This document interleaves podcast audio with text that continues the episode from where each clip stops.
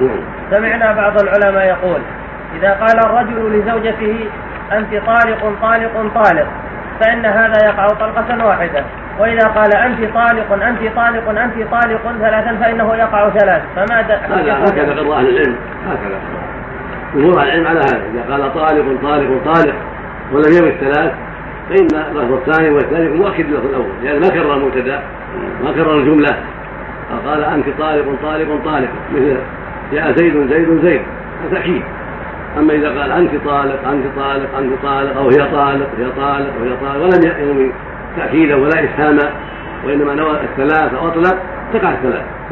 بخلاف ما إذا قال أنت طالق طالق طالق أو هي مطلقة مطلقة مطلقة أو تراك طالق طالق طالق هذا لا يقع إلا الأولى واحدة. واللفظ الثاني والثالث مؤكدا له الأول ولا يقع به شيء عند أهل العلم.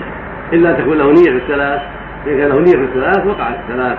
عند جمهور أهل العلم بل عند عامته ولا يعرف خلاف بذلك عن المتقدمين. نعم.